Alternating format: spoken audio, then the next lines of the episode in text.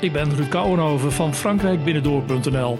En je luistert nu naar het exclusieve podcastkanaal Frankrijk Binnendoor Online van de enige website in Nederland en België over Frankrijk. Met blogs, complete reisverhalen, roadtrips, bijzondere e-books, podcasts, video's en het unieke boek Frankrijk Binnendoor ontdek het andere Frankrijk.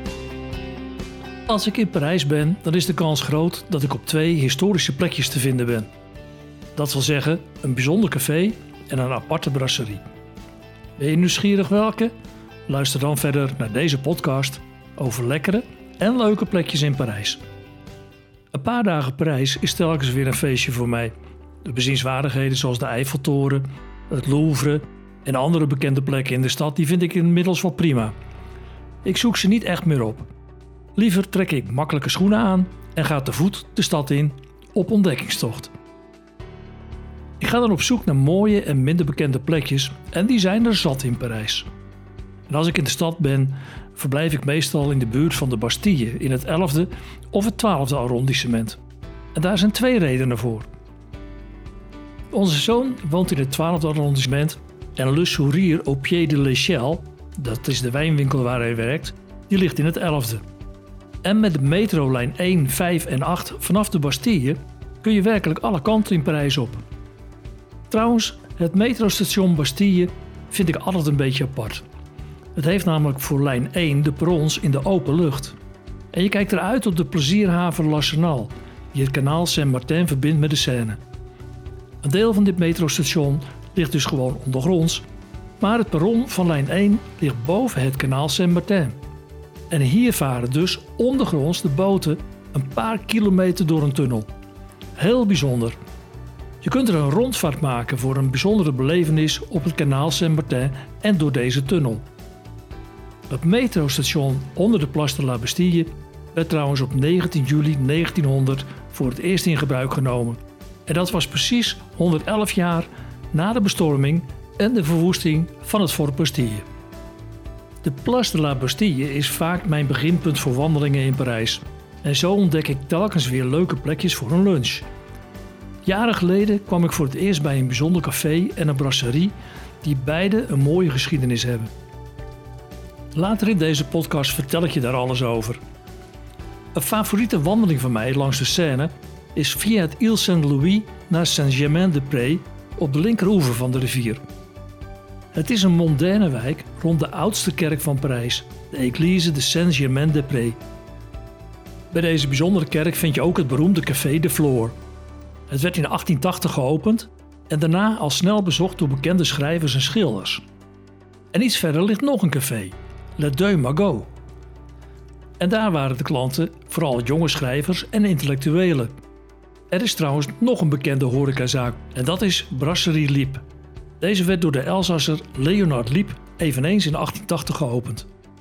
En ook dit werd een verzamelplaats van schrijvende talenten. Deze drie cafés hebben dus een rijke historie in Parijs en vind je daarom in de meeste reisgidsen van Parijs terug. Het gevolg is wel dat het behoorlijk toeristische trekpleisters zijn geworden met prijzen die eigenlijk niet meer leuk zijn. Chic zijn ze wel en vooral op het terras van Café de Floor is het zien en gezien worden. Als je echter de moeite neemt om een paar straatjes verder te gaan, dan kun je ook een historisch café vinden. Café La Palette is al sinds vele jaren een plek waar ik graag kom voor een lunch. Dit bijzondere café ligt vlakbij de École Nationale Supérieure des Beaux-Arts. En dat verklaart waarom de gasten hier kleurrijk zijn. Maar het heeft zijn naam vooral te danken aan het feit dat het frequent bezocht werd door de schilders Picasso en Cézanne. Maar ook Ernst Hemingway en Jim Morrison van de Doors kwamen graag in La Palette. En het gerucht gaat zelfs dat Julia Roberts schijnbaar regelmatig in La Palette te vinden is als ze in Parijs is. En voormalig president Jacques Chirac had zelfs een speciaal gereserveerde plek voor hem op het terras van het café. Dus als je ook eens op een bijzondere plek wilt genieten van een drankje en lekker eten, dan kan ik je nu alvast verklappen dat dit café een van mijn favoriete plekjes in Parijs is. Overigens moet je voor een bijzondere beleving niet op het terras gaan zitten. Want dat is net zoals veel andere terrassen in Parijs. Nee, je moet naar binnen gaan en vragen naar een tafeltje in het zaaltje achter de bar. En dat is mijn favoriete stekkie voor een heerlijke lunch in Parijs. De eerste keer dat ik bij Café La Palette kwam, wist ik nog helemaal niets van deze rijke historie en leek het mij gewoon een leuke plek voor een lunch. En dat is het ook. In mijn dagboek van een week in Parijs kun je bij dag 5 lezen waarom ik er nog steeds terugkeer. Je kunt het hele dagboek volgen als je premiumlid bent van Frankrijk Binnendoor.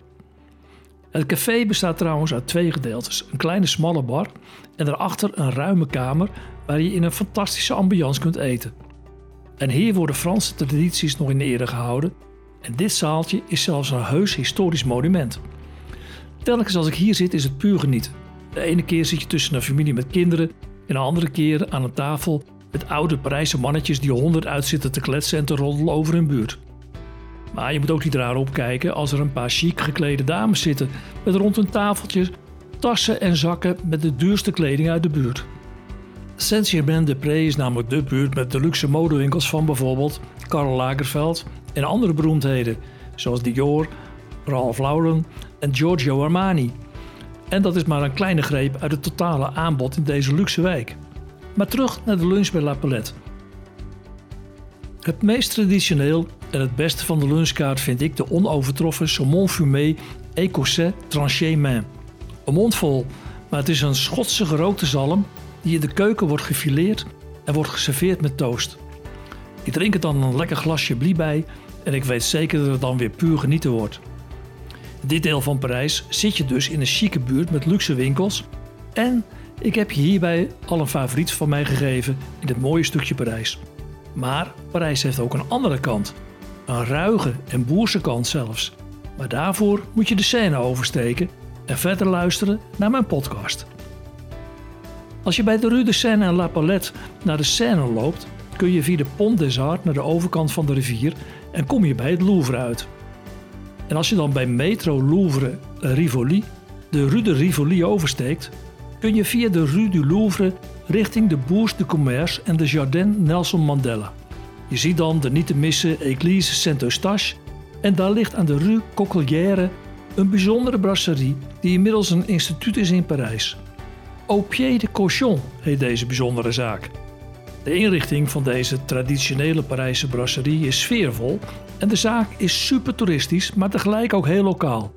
Want hier komen lokale Parijzenaars eten en genieten van een gerecht waar deze zaak beroemd om is. Pied de cochon betekent namelijk varkenspoot. En dat is exact het gerecht waar het om gaat. En als je ooit eens in Parijs bent en in de buurt van de fraaie Canopée des Halles, dan kan ik een etentje in deze brasserie zeker aanbevelen, mits je van varkensvlees houdt.